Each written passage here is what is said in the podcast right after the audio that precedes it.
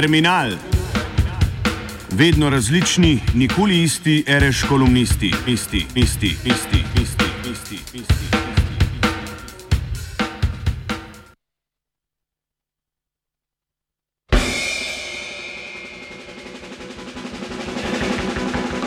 V rebalansu skoraj nič denarja za obvladovanje epidemije. Ponovno bom govorila o javnih financah. Po mojem mnenju je sprejeti rebalans državnega proračuna vreden pozornosti.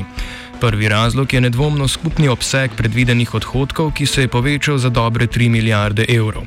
Posledično se je proračunski primankljaj povečal za dobre 4 milijarde in temu primerno se je povečal tudi dolg države.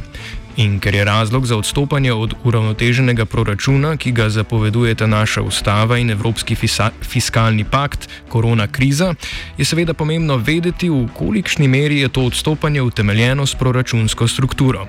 Ali je res mogoče celotno povečanje odhodkov pripisati ukrepom za obvladovanje in odpravo posledic korona krize?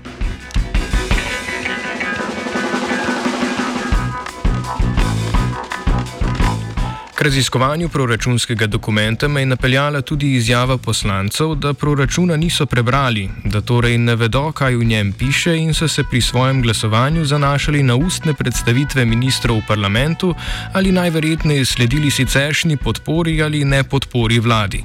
Slednjega jim ne gre zameriti, saj je dokument ciljno obsežen, mestoma tudi težko razumljiv.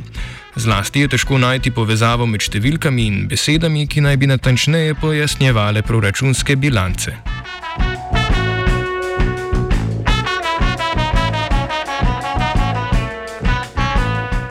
Obstaja pa še en razlog. To je moje zanimanje za javne finance. Pretežni del svojega službenega življenja sem se ukvarjala z njimi, zato lahko rečem, da, dobro, da dobro obvladam branje proračunskih dokumentov. To izpostavljam, da ne bi mislili, da so moje ugotovitve, ki bodo morda presenetile, posledice nepoznavanja ali morebiti nerazumevanja obsežnega in zahtevnega dokumenta. Pa pojdimo po vrsti. Vlada je poskrbela, poskrbela za preglednost, saj vse predvidene odhodke za obvladovanje epidemije in odpravo njenih posledic prikazala enoznačno v enem samem programu sredstva za financiranje epidemije, ki je težak 2 milijardi in 600 milijonov evrov. Saj tako je zapisano. In če je to res, nas lahko skrbi.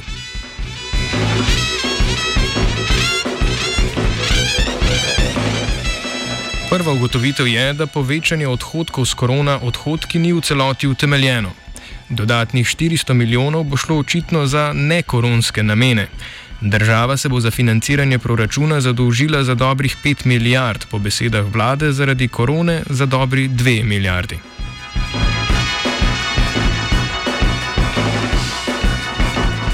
In kaj se je in se bo financiralo iz proračuna in je povezano s korono? Do priprave rebalansa je bila na podlagi treh protikoronskih paketov porabljena dobra milijarda evrov in pol. To je bistveno manj, kot je vlada načrtovala, ko je ukrepe predlagala. Slaba milijarda ostaja kot koronska rezerva za ukrepe, ki bodo še uveljavljeni do konca leta in njihov namen v tem trenutku še ni določen. Največ, kar tretjina vseh sredstev, je bila porabljena za plačilo prispevkov v pokojninsko blagajno, ki so ga bili oproščeni zavezanci, s petinskim deležem sledijo ukrepi za ohranitev delovnih mest. Preostala sredstva so porazdeljena med ukrepe za plačilo dodatkov za nevarnost in posebne obremenitve pri delu, ukrepe za spodbujanje gospodarstva, turistične bone, pomoč v obliki temeljnega dohodka, solidarnostni dodatek za upokojence, plačilo bolniških nadomestil in zdravstvenih prispevkov in v manjšem obsegu med nekatere ukrepe na drugih področjih.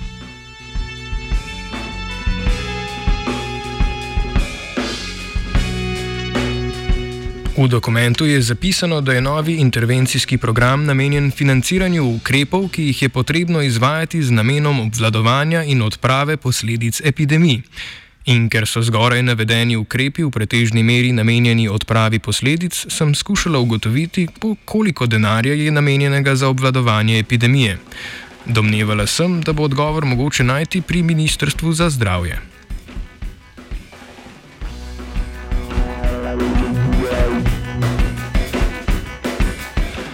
V obrazložitvi je ministrstvo zapisalo, da bo financiralo vse izdatke povezane z izvajanjem ukrepov za obvladovanje epidemije. To naj bi bili dodatki k plači za nevarnost in posebne obremenitve v času epidemije pri upravnih organih in pri izvajalcih javnih zdravstvenih storitev in plačila vseh neposrednih stroškov, kot so stroški osebne varovalne opreme, testiranje za okužbe z virusom, karantenske nastanitve, prevozov in drugega. Financirani bodo tudi ukrepi za preprečevanje širjenja virusa, kot so nova komunikacijska orodja, kampanje za ozaveščanje prebivalstva o pomenu spoštovanja preventivnih ukrepov in spremljanje učinkov epidemije na zdravje. Po besedah ministrstva bo treba zagotoviti tudi močno povečano dejavnost epidemiološke in laboratorijske dejavnosti.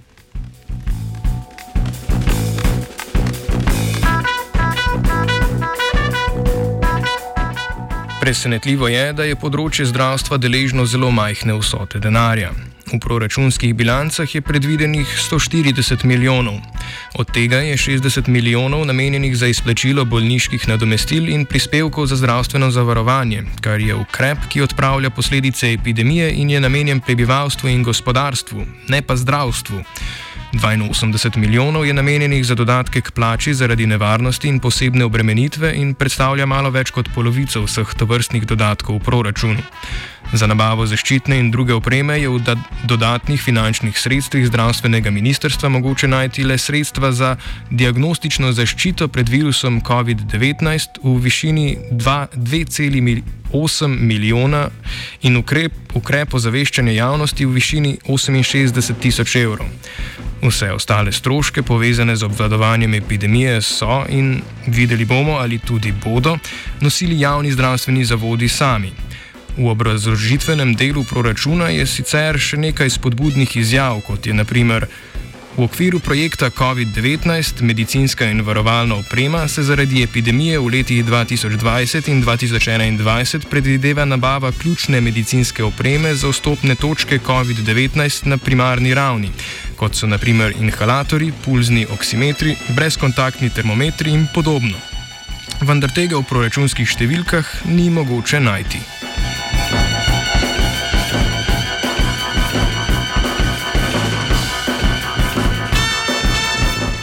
Edino, kar je za te namene še mogoče razbrati iz dokumenta, je slabih 140 milijonov za nadomestilo zaščitne opreme v blagovnih rezervah, ki so bile sproščene v prvem koronskem valu.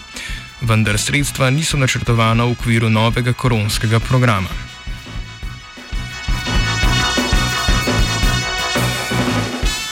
Edin, koliko COVID rezerve bo bodo do konca leta deležno zdravstvo, bomo še videli.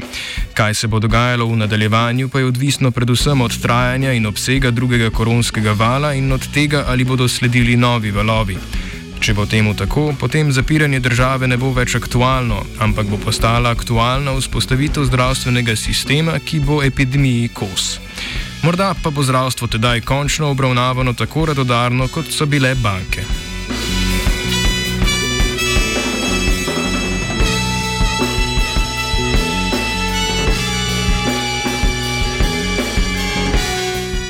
Za radio študent je na terminalu pristala Helena Kamner.